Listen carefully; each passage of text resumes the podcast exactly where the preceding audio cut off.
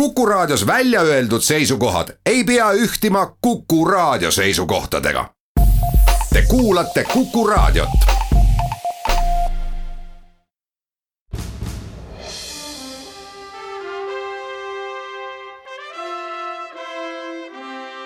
vahetund Postimehega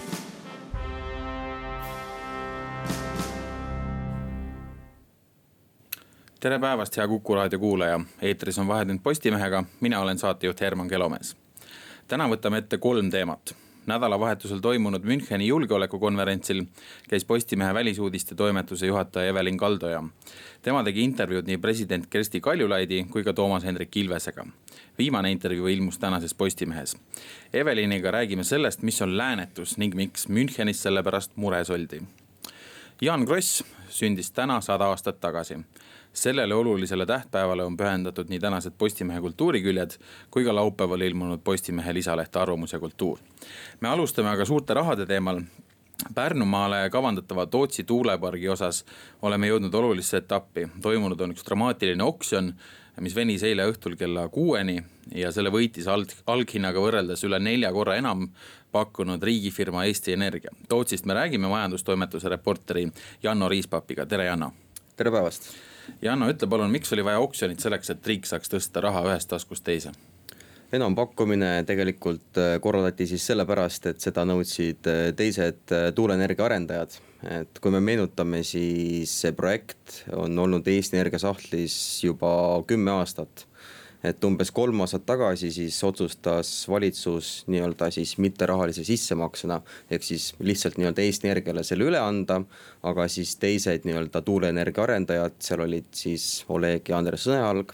ja oli ka aktsiaselts Raisner, et nende hinnangul oli see ebaseaduslik riigiabi ja siis äh, nii-öelda see nii-öelda otsus, siis sellega isegi pöörduti Euroopa Komisjoni poole. seal nagu vaidlustati seda ja lõpuks siis äh, riik arvas, et õiglasem oleks seal korraldada enampakkumine et äh, see noh, seal nii-öelda need teised turuosalised leidsid ka seda, et need tingimused soosisid siis Eesti Energiat ja siis seal see vaidlus lõppes eelmisel aastal riigikohtus, kus nii-öelda kõik need tingimused käidi läbi. ja nüüd ta siis nii-öelda eile siis lõpuks äh, jõudis see enampakkumine ka lõpule ütle kiirelt kuulajale, mis oli see algne hind, millega Eesti Energia seda osta tahtis ja milliseks ta kujunes nüüd? Äh, algne hind, noh, tegelikult see nii-öelda see mitterahaline sissemakse oli neli koma kolm miljonit eurot, milleks tegelikult noh, hiljem tuli siis välja, et Eesti Energia ise hindas nende maade väärtuse selliseks. lõpuks telliti sihuke ekspert pak- nii-öelda siis hinnang, mis ütles, et selle väärt- alghind võiks olla kaksteist koma kolm miljonit eurot ja nüüd siis eile oli viiskümmend üks koma viis miljonit eurot see hind, millega siis RMK need kinnistud maha müüb. kaksteist korda rohkem oli siis see hind. mis muudab selle Tootsi kinnistu nii väärtuslikuks, et just sinna neid tuulikuid rajada? Esiteks on see asi, et seal saab äh, piiranguteta äh, nii-öelda teha tuulegeneraatoreid, et me teame, et Eestis mitmel pool, eriti Kirde-Eestis on kaitseministeeriumi poolt eh, just julgeolekukaalutlustel piirangud, et. et kas need radarid siis segaksid nii-öelda eh, tähendab, kas tuulikud segaksid radaripilti või siis seda signaalluuretööd. et seal nagu Pärnumaal nagu praegu selles kohas seda muret ei ole. lisaks sellele on Eesti Energia seal teinud juba erinevaid ettevalmistustöid et nad on seal ka teinud nii-öelda selle liitumispunkti, et kui kunagi see park valmis saab, siis sisuliselt saab hakata juba võrku seda müüma. aga mida seal oksjonil täpselt müüdi, et kas see on lihtsalt maalapp või on seal ka mingisugused planeeringud juba tehtud? seal on olemas jah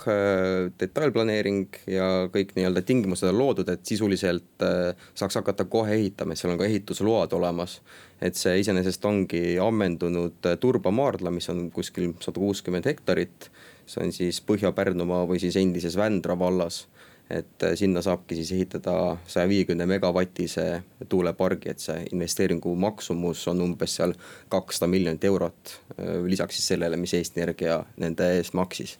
niisiis veerand miljardit eurot äh, kokku maksumaksja taskust läheb sinna, aga kas Tootsi saaga, kas ta on nüüd lõplikult läbi, et nüüd Eesti Energia hakkab muudkui tellima neid osi selleks, et tuulikuid püstitada ja kõik hakkab pihta? Äh, siin ütleme, et see on kas lähipäevade või lähinädalate küsimus, et äh, konkurendid on siin väga hoolikalt nii-öelda kasutanud enda võimalust enda ärihuve kaitsta. et me oleme palju nagu lugenud, igalt poolt kuulnud sellest, kuidas näiteks Sõjalad igasuguse otsuse, mis mingisugune mm, riik või kohalik omavalitsus teeb, et nad on väga varmad nagu neid vaidlustama ja siis nii-öelda halduskohtud upuvad nende vaidluste alla teinekord ära et siin ongi nagu põnev näha, et eh, kas, ka, kas ka see otsus kaevatakse edasi sõnajälgedest rääkides, kus nemad olid? Nemad on, ma saan aru, osaliselt süüdi selles, et see asi oksjonile üldse läks. Eh, nad ise on olnud väga häälekad oma eh, enda Aidu tuulepargi kaitsmisel, kuigi nad on ehitanud lubatust kõrgemaid tuulikuid. nüüd nad on kadunud nagu vits vette. kus nad on? Äh, seda ei oskagi öelda, et tegelikult siin möödunud nädalal äh, Tarbijakaitse ja Tehnilise Järelevalve Amet siis tegi neile ettekirjutuse just Aidu tuulepargi osas, et nad olid enda nii-öelda äh, püstitatud tuulikutele pannud tuulikulabad, et need peaksid nii-öelda maha võtma, et me oleme küll üritanud äh, neilt nagu selles asjus kommentaari saada ja siis oleme ka nagu nii-öelda proovinud kombata, et kas nad üldse sellel enampakkumisel ka osalevad. aga praegu ei ole nii-öelda tõesti ei ole nagu üldse kursis, et mis nende plaanid ja mõtted on. et võib-olla tulevadki nagu nii-öelda musta hobusena ja äh, kaebavad selle enampakkumise võib-olla otsuse edasi oskad sa öelda, et miks peaks riik üldse osalema konkursil, kus eraettevõtja huvi on selgelt olemas, meil oli kolm eraettevõtjast paku, pakkujat. Ähm, miks on Eesti Energial seda projekti vaja? Äh, jah, et äh, lisaks siis Eesti Energiale oli ka siis Utilitas, mis on tuntud siis soojatootja ja siis oli ka kaks Leedu firmat, üks oli Leedu riiklik Äh, energiafirma äh, Ignitise kaubamärki siis hiljuti hakkas kasutama. ja teine oli üks siis eesti keeles võiks see kõlada kui taastuvenergia investeeringud, et äh, see kuulub siis ühele Leedu fondile Lords LB Asset Management, millele näiteks Eestis kuulub Europark. et, et jah, et selle riigi rolli üle ettevõtluses võib nagu nii-öelda alati vaielda, et mis see nagu eesmärk on, et kas on nagu turutõrgete kuidagi likvideerimiseks või, või mis eesmärk on, aga samas riigifirmad, äh, neil on ka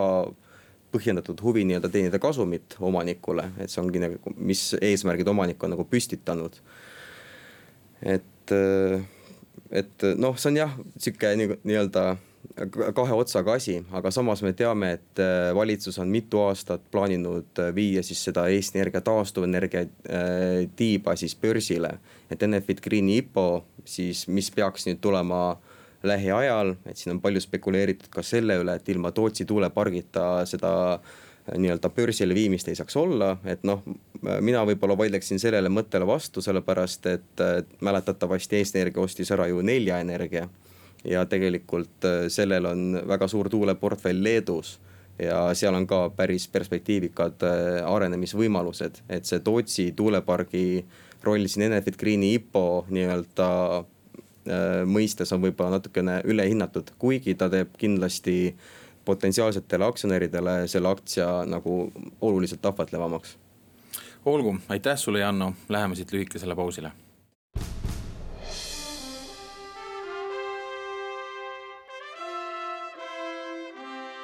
vahetund Postimehega.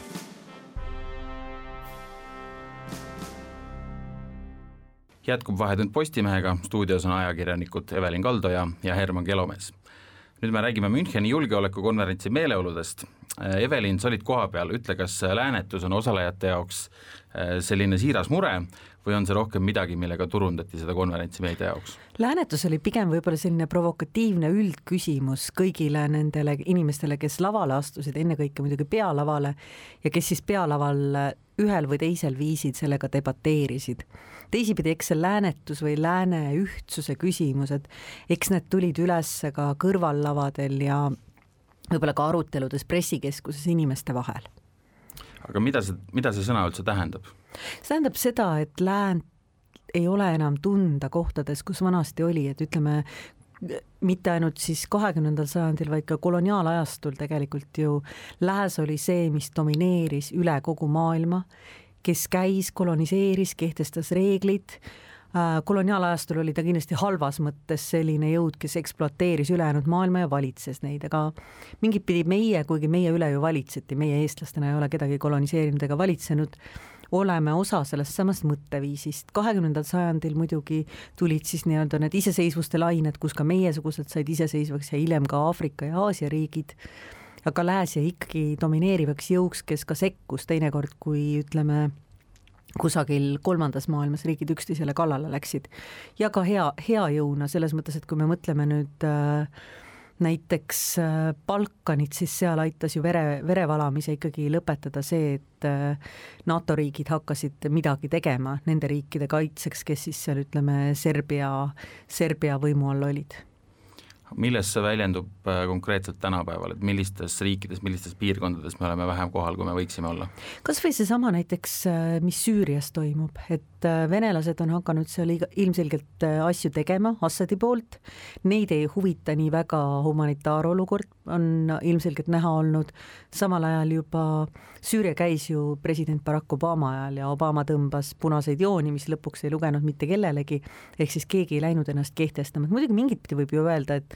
lääne enesekehtestamine ongi käinud lainetena, et Rwanda genotsiid sai juhtitud tänu sellele, et oli enne seda olnud Mogadishu lahing, kus siis Ameerika sõdureid äh, Somaalia jõugud äh, auto taga lohistasid, tänu sellele ei mindud seal sekkuma äh, Balkanil sekkuti, et, et see kõik ongi nagu vaheldumisi käinud, Afganistani ja Iraagi sõjad ilmselgelt äh, sundisid äh, lääneriike, ka Ameerika Ühendriike, kes on alati olnud neil kandev jõud, natukene jälle ümber mõtestama, et kas nad sekkuvad või mitte, aga siis on olnud see alati nagu lääne enda valik, aga nüüd kipub olema juba niimoodi, et lihtsalt pole ühtsust, pole jõudu, et olla see nii-öelda maailmapolitseinik koos. Seal ähm, Müncheni julgeolekukonverentsi raportis on antud läänetusele ka teine definitsioon. see on siis see, et me lääne sees võib-olla ei saa enam aru, mida tähendab Äh, olla läänemaailma riik, et meil on ühed riigid, kes äh, väärtustavad läänelikuks olemisena liberaalset demokraatiat ja teised, kelle jaoks on rohkem etniline, religioosne, midagi sellist, kui palju sellest aspektist räägiti? kas seda puudutati riivamisi ikka, et äh, kas või seesama õigusriigi küsimus Euroopa Liidus, et ja kas on, kas on olemas sellist asja nagu illiberaalne demokraatia, millest siis on rääkinud meil Ungari peaminister Viktor Orban, et kas see kõik on läänelik, kas see on õhtumaine väärtusruum iga enam või on siiski läänelikkus meie tänapäevases mõttes tähendab ikkagi liberaalset demokraatiat ja õigusriiki ja nii edasi? Kena, vaatame mõnesid konkreetseid paneele, mida sa ka ise külastasid meie oma Rahvusvahelise Kaitseuuringute Keskuse esitletud raporti vastu äh, sa kirjutad, oli seal konverentsil suur huvi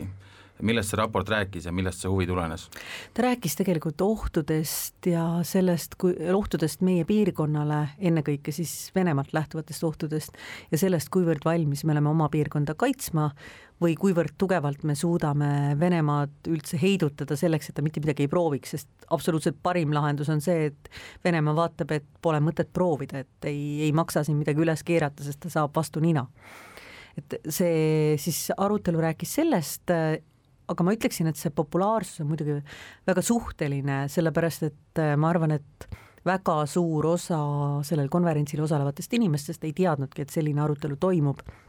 sest nimelt seal on väga selline äh, salapärane viis, kuidas neid kõrvalpaneele teatavaks tehakse, kui sa oled näiteks ajakirjanik, kes seda kajastab, sulle ei anta kätte suurt paberit, kus on kirjas, et siin ja siin toimub koroonaviiruse ja tervisejulgeoleku arutelu ja siin ja siin me räägime Läänemere maade julgeolekust ja siin ja siin me räägime hoopis mingist Aafrika paneelist, vaid sulle tuleb elektroonilises süsteemis ette paar-kolm üritust, kuhu sa võid valida, kas sa registreerud või mitte, näiteks äh, sellesama Balti paneeliga paralleelselt oli minule pakutud äh, geide olukorda maailmas puudutav äh, paneel, aga kuna see ei tundunud mulle isiklikult kuidagi huvitav ega, ega tundunud mulle ka noh, võib-olla noh, loomulikult on inimõigused maailmas on tähtis igal juhul, aga aga see ei tundunud nii põletav kui Baltimaade selline füüsiline julgeolek, siis mina läksin kuulama Baltimaade julgeoleku küsimust ja teine asi on ka see, et osalejatest, et, et kutset sellele oli ikkagi saadetud äh,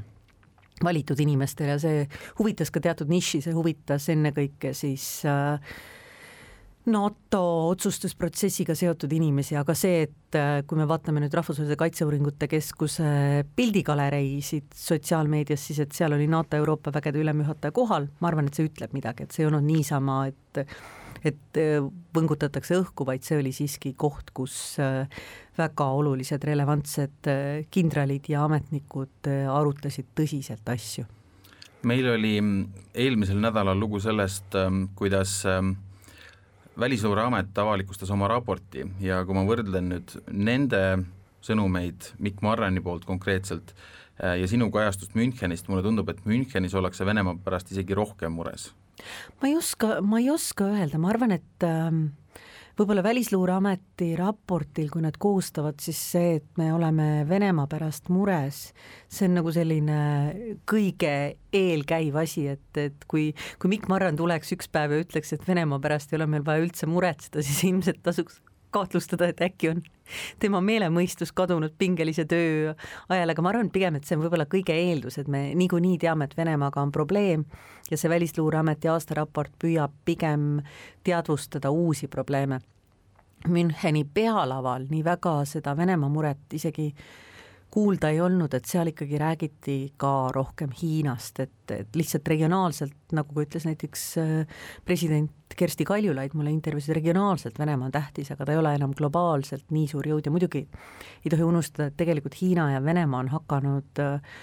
kahekesi asju tegema mitmetes maailma piirkondades, et ei saa öelda võib-olla paarise rakendina, kuna üks on hobune ja teine on hiir seal rakendi ees, aga nad äh, ikkagi äh, on hakanud asju ka koos toimetama ja mingit pidi öeldakse, et nad siis, kuna neid kumbagi, nende huve ei teeni selline inimõigusi ja sõnavabadust arvestav maailmakord, siis nad on hakanud ka seda maailmakorda koos lammutama, sest see lihtsalt ei sobi neile ja ja antud juhul on nende huvid kattuvad, aga alati nad ei pruugi olla kattuvad. hästi, me läheme siit lühikesele pausile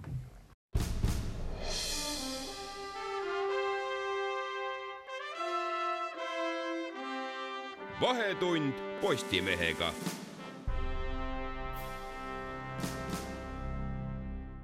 jätkub Vahetund Postimehega, stuudios on ajakirjanikud Evelin Kaldoja ja Herman Kelomees.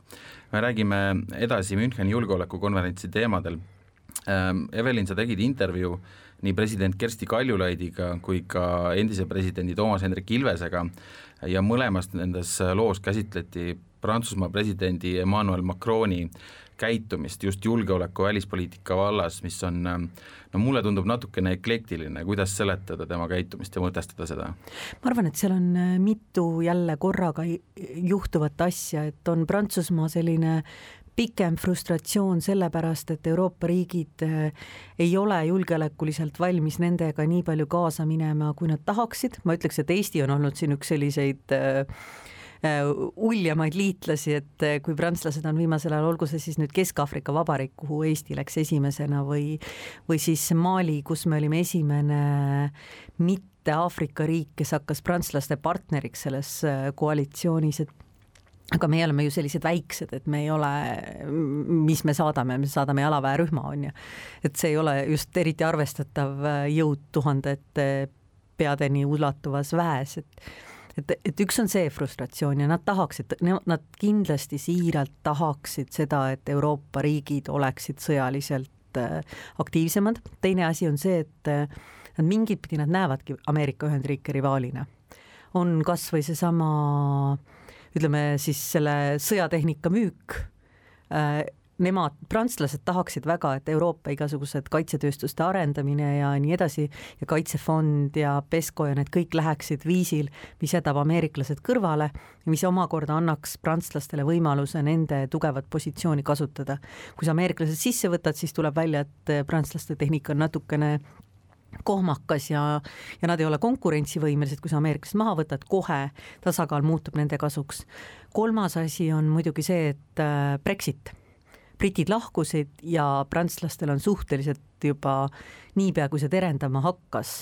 olnud siht silme ees, et võtta nii palju sellest vaakumist, kui võimalik on, ise ära täita. kehtestada rohkem prantsuse keelt, sest nende meelehärmiks, kui Ida-Euroopa riigid NATO-sse ja Euroopa Liitu tulid, siis prantsuse keele roll selgelt taandus, sest siin ei ole eriti, kui välja arvata Rumeenia, siis ei ole eriti selliseid prantsuse keele lembelisi riike, on rohkem inglise keelt rääkivad ametnikud ja nii edasi. Et nad üritasid ka seal siis oma positsiooni saada. kolmanda või nüüd juba neljandaks, äh, siis on ka see, et Prantsuse-Vene suhe on alati olnud natukene teine, et see on selline pisut romantiline olnud, nende vahel on ka nii palju Euroopa puhvrit, et nad võivad seda endale lubada, et jah, Napoleon käis ammu Venemaal ja siis tal läks seal natuke halvasti, aga muidu, muidu see selline, et Vene eliit rääkis prantsuse keelt ja siis oli see Vene eliit, kes äh, paljud tulid äh, Prantsusmaale pagulusse ja see, see on selline nagu romantiline ja teistsugune suhe. Ja võib-olla siis viiendaks ka see, et nad tahaksidki, et rohkem Euroopa tegeleks nende vanade äh, asumaadega ehk siis Aafrikaga, kus neil on ka väga tugevad äh, majandushuvid, pluss teine asi, et see, et nad mõistavad seda piirkonda ja neil on ka mure selle piirkonna pärast paljuski ka õigustatult, sest et need riigid on tõesti majanduslikult ja ka siis kultuurisidemetega Prantsusmaaga rohkem seotud. et ma arvan, et seal on väga palju huvi, huvisid, mida ta edendada üritab see natukene kummaline ikkagi tundub, just see tema lähenemine Venemaale, pidades silmas seda, et kui teda valiti presidendiks, siis tema kampaania ajal samamoodi nagu Hillary Clintoni serveritesse häkiti Venemaa poolt, häkiti ka tema omadesse. et ähm, ja, ja see on just viimasel ajal tärganud, see tema soov ähm, siis nii-öelda ehitada üles uus julgeolekuarhitektuur koos Venemaaga. et kui seda, võib isegi mõista seda tema, tema soovi Venemaaga rohkem näiteks majanduskoostööd teha, siis kuidas see julgeoleku vallas üldse toimida saaks? kusjuures väga huvitav on see, et äh, ta, ma arvan, et valimiste ajal vaata, siis oli näha selgelt, et äh, Venemaa toetab tema vastaskandidaati, kelleks oli Marine Le Pen. ehk siis ta nägi Venemaad kui vastaspoole toetajat. võib-olla siis nüüd üritab ta venelastele näidata, et tegelikult tasub teda toetada. või siis vähemalt mitte nii tugevalt toetada vastaspoolt, et ta on ju olnud siseriiklikult päris osav äh, tsentrist teiste variantide ära minema pühkija, et ta on teinud üks-null ära Prantsuse sotsialistidele, ta on teinud üks-null ära äh, Prantsuse konservatiividele, kes, kelle ta on lükanud sedasi väga osavalt paremäärmuses, mitte, ma ütlen mitte paremäärmusesse, ma ütleksin lihtsalt sellisesse tugevamasse konservatismi, et ta on, ta on suutnud selle keskpõranda suhteliselt puhtaks teha enda jaoks. Ja võib-olla siis nüüd ta üritab ka neid äh, servaalasid äh, vaikselt endale võtta ja saada ka endale sellist toetust või noh, ta püüab, ta püüab muidugi vingerdada, ta räägib sellest, et me peame Venemaaga rääkima, ta ei ole naiivne ja, nii edasi, aga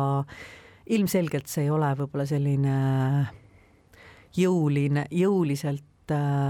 näitamine, et kuulge, et vabandust, inimesed, mida te olete teinud Süürias, mida te teete Ida-Ukrainas, võtke end kõigepealt kokku ja siis räägime. ja Venemaa ilmselgelt ei võta ennast nendes küsimustes kokku, kui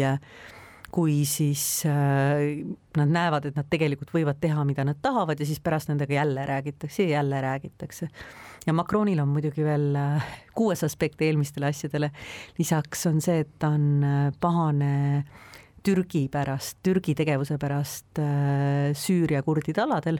sellepärast et ameeriklased viisid sealt oma väed ära või deklareerisid nende äraviimisest, mis jättis omakorda teatud mõttes paljastatuks äh, Prantsuse üksused, mis sealsamas piirkonnas olid, et seal on, seal on hästi suur segu erinevatest asjadest, miks tal on äh, vimm Ameerika vastu, miks tal on vimm Venemaa vastu, vabandust, miks tal on vimm NATO vastu, miks tal on äh, taastärganud uus soov äh, venelastega kuidagi leplikum olla. sellest viimast USA ja NATO vastu võib tuleneda ka tema soov äh, jõuliselt edendada Euroopa Liidu sõjalist koostööd, kas sellel on mingit realistlikku perspektiivi ka? kui vaadata seda, et sõjalise mobiilsuse fondist äh, rohkem kui kaks kolmandikku on juba praeguseks Euroopa Liidu eelarvekõneluste käigus ära kärbitud, see tähendab, et needsamad sillad, mida tuleb tugevdada selleks, see raha sildade tugevdamiseks üle Euroopa, et ja teede tugevdamiseks, et kui vaja, siia võiksid abiväed liikuda ja nii edasi. kui me vaatame seda, millist tüli on tekitanud küsimus, et kas prantslased, kas prantslased lubavad või ei luba sest nad vähemalt üritavad peale suruda oma soovi, et Euroopa Kaitsefondist, erinevatest ühistest kaitseprojektidest, mida saab siis Euroopa Liidu rahaga natukene turgutada, et nendest jumala eest eh, ei saaks niisama suvalisel hetkel osa kolmandad riigid, et eh, ennekõike siis Ameerika Ühendriigid, aga ka britid, et, et seal peab alati olema mingisugune eraldi otsustamine, alati on mingisugune kellelgi kusagil mingi vetoõigus et äh, mulle tundub, praeguse seisuga tuleb sellest rohkem tüli ja sõnavahtu kui reaalselt mingit äh,, mingit kasu, et loomulikult me peame olema pardal, kui kusagil on näiteks sõjalise mobiilsuse raha, mille me saame panna selleks, et Rail Baltic saaks kanda nii palju sõjatehnikat, kui parajasti kiiresti sisse tuua on vaja, siis me peame selle võtma. Samamoodi me peame kindlasti olema selle poolt, et äh, vanad sillad mujal Euroopas, näiteks Saksamaal oleksid toestatud kui mingisugustele projektidele, kaitseprojektidele tuleb Euroopa raha, see kõik on tore, aga ma arvan, et sealt nüüd mingit sellist nagu tugevat uut impulssi küll praegu ei paista. hästi, aga kui palju Münchenis räägiti Hiinast, vahetame natuke teemat? palju, väga palju. ikkagi maailm on muutumas, minu meelest selle visiooni järgi maailm on muutumas bipolaarseks Hiina ja USA vahel ja siis ütleme, Venemaa jääb sealt selliseks väikseks lüliks seal Hiina plokis. Hiina on ilmselt ka üks põhjus, miks ähm, on ähm, äh, hakanud Eesti teiste seas eest vedama sellist algatust nagu kolme mere algatus, mida see endast kujutab? kolme mere algatus on äh, umbes neli-viis aastat vana algatus, mis algselt oli selline, ka ma, ma saan aru, et ka eestlastele suhteliselt arusaamatu projekt ja nüüd, kus sel suvel on Eestis tulemas kolme mere tippkohtumine, siis püütakse sellele reaalset sisu anda, et meil oleks sellest kasu ka, mitte nii, et me lihtsalt äh, käime ja räägime, et me peame koostööd tegema, et, et seal ikkagi oleks raha taga ja et sellel oleksid reaalselt mingid kasulikud arendused ja et, ja et see raha kasutamine ei oleks selline ebaefektiivne äh, mõi-, mõisaga köis las lohiseb, vaid et see oleks tõesti äh, jätku, noh, majandusmõtlemise järgi investeeritud raha, et, et Eesti ilmselgelt pingutab selle nimel, seal on näha erinevaid äh, riike erinevate huvidega ja jällegi on küsimus selles, et kuidas teha nii, et asjast oleks midagi kasu ja et see ei tekitaks asjatut poliitilist tüli näiteks selle ümber, et kas Saksamaa võib liituda või mitte. Saksamaa, kes on väga asjalik jõud, väga tahaks liituda, samal ajal on nende naaberriik Poola, kes on sellele vastu ja Eesti, Eesti on siis nii-öelda see jõud praegu, kes üritab lepitada ja leida, leida sellist viisi, kuidas see asi teha võimalikult apoliitiliseks, et seal ei ole, et kui jälle äh, Poolas võimul olev Õigus ja õigluse partei tahab näidata, kuidas nad on Saksamaa vastu sirgeselgsed et siis nad kasutavad selleks seda algatust, aga see algatus põhimõtteliselt peaks kujunema siis investeerimisfondiks ja mingit pidi ka siis äh, samameelsete, samasuguses või sarnases sotsiaalmajanduslikus seisus olevate Euroopa Liidu idaserva riikide koostööformaadiks, kus siis Saksamaa tahab appi tulla ja USA on praktiliselt algusest peale olnud see nii-öelda mitteametlik põhipartner. Aga mis põhjusel peaks USA sellest osa võtma? sellepärast, et USA tahab omada oma kätt Euroopas, tegelikult, tegelikult on üks, üks on kindlasti see poliitiline pool, et nad tahavad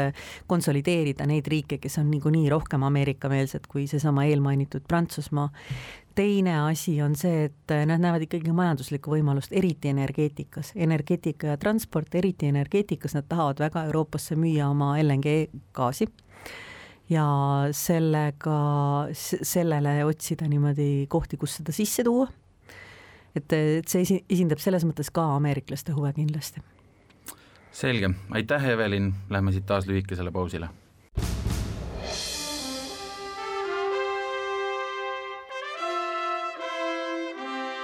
vahetund Postimehega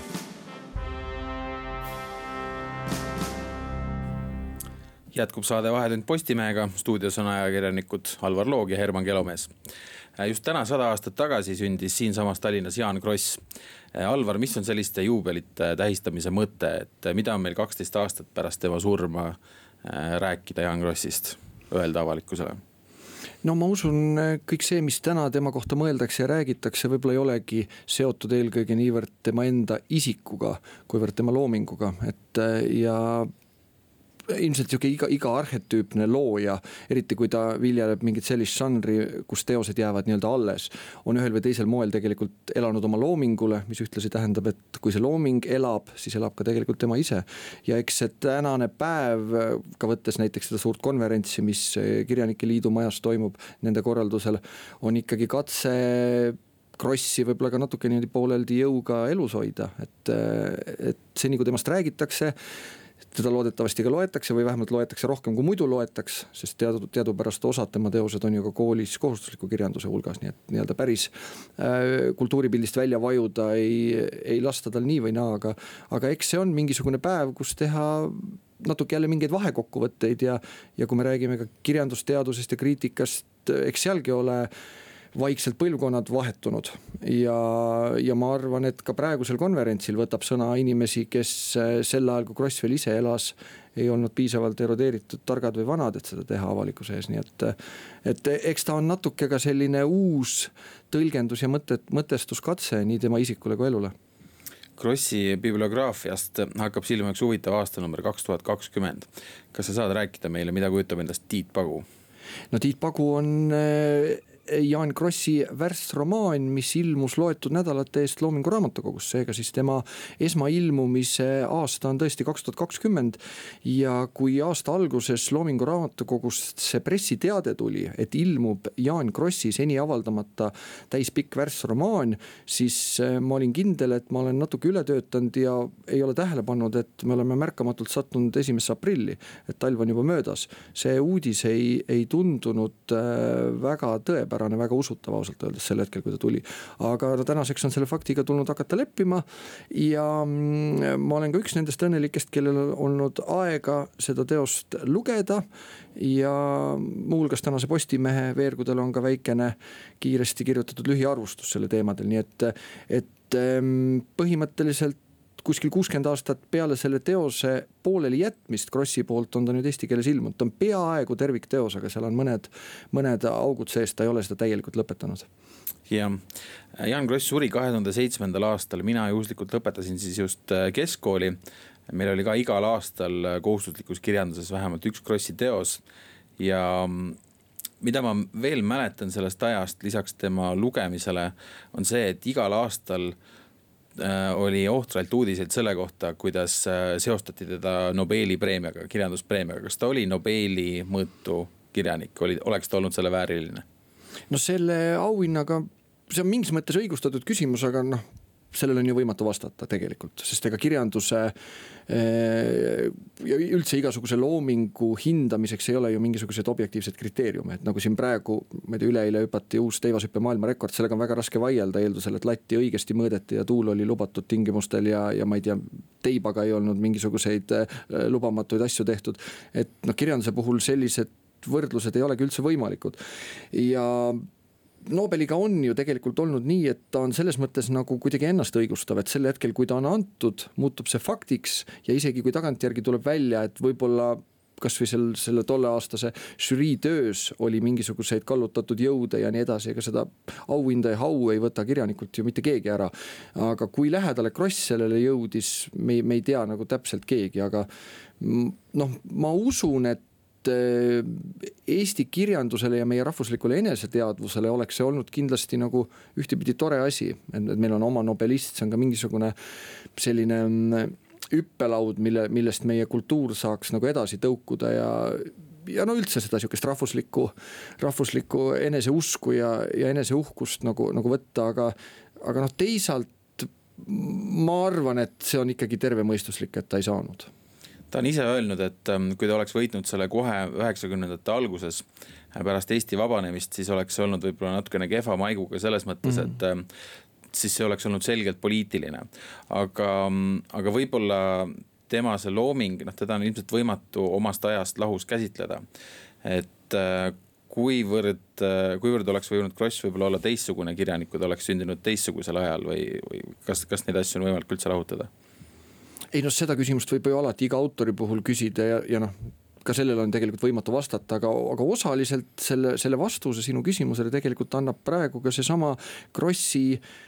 debüütteos, mis nüüd siis nii-öelda viimasena ilmus või noh, kui eeldusel, et midagi täispikka veel kuskilt välja ei tule, seesama Tiit Pagu, mis on ikkagi, ta on küll lõpetamata, tema lõpp jääb natuke ambivalentseks, mis ka niimoodi kunstiliselt tegelikult minu meelest päris hästi kannab. aga samas on, on ikkagi selge, et eh, see tegu on nii-öelda tööliskirjandusega, selle, selle mõiste nii-öelda meie jaoks kõige halvemas tähenduses, et tegu on ikkagi padupunase teosega tegelikult ja mm,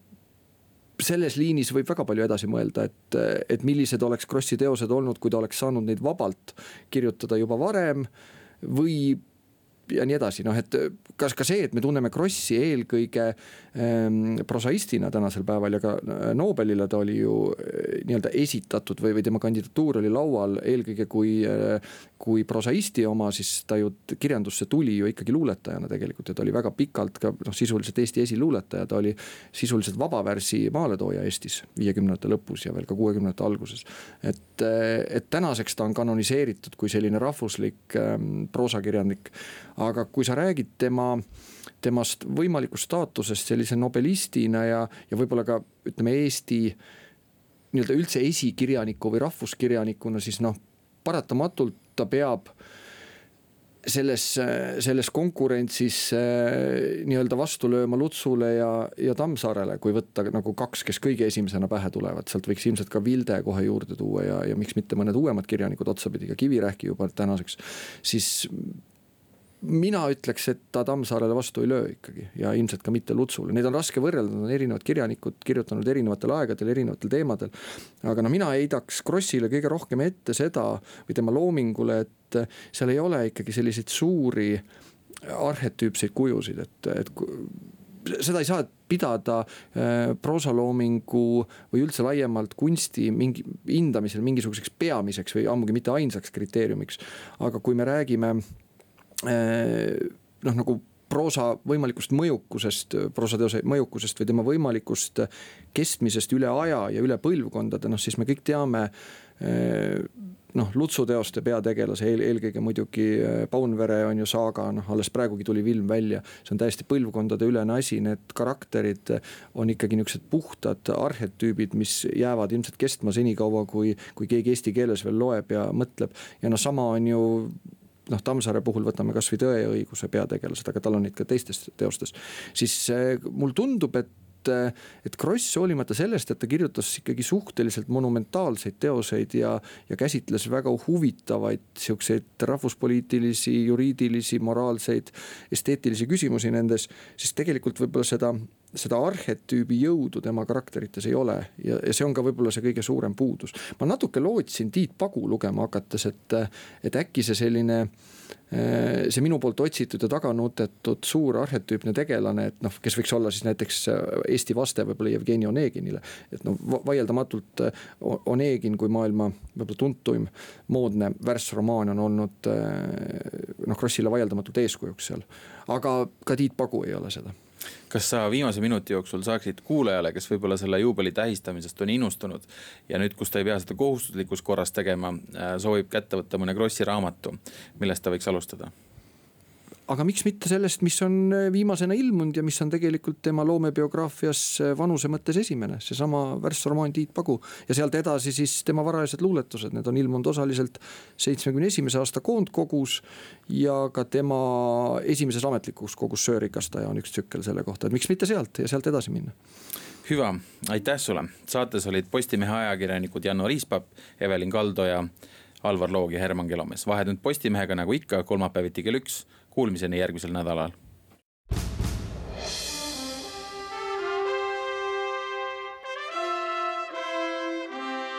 vahetund Postimehega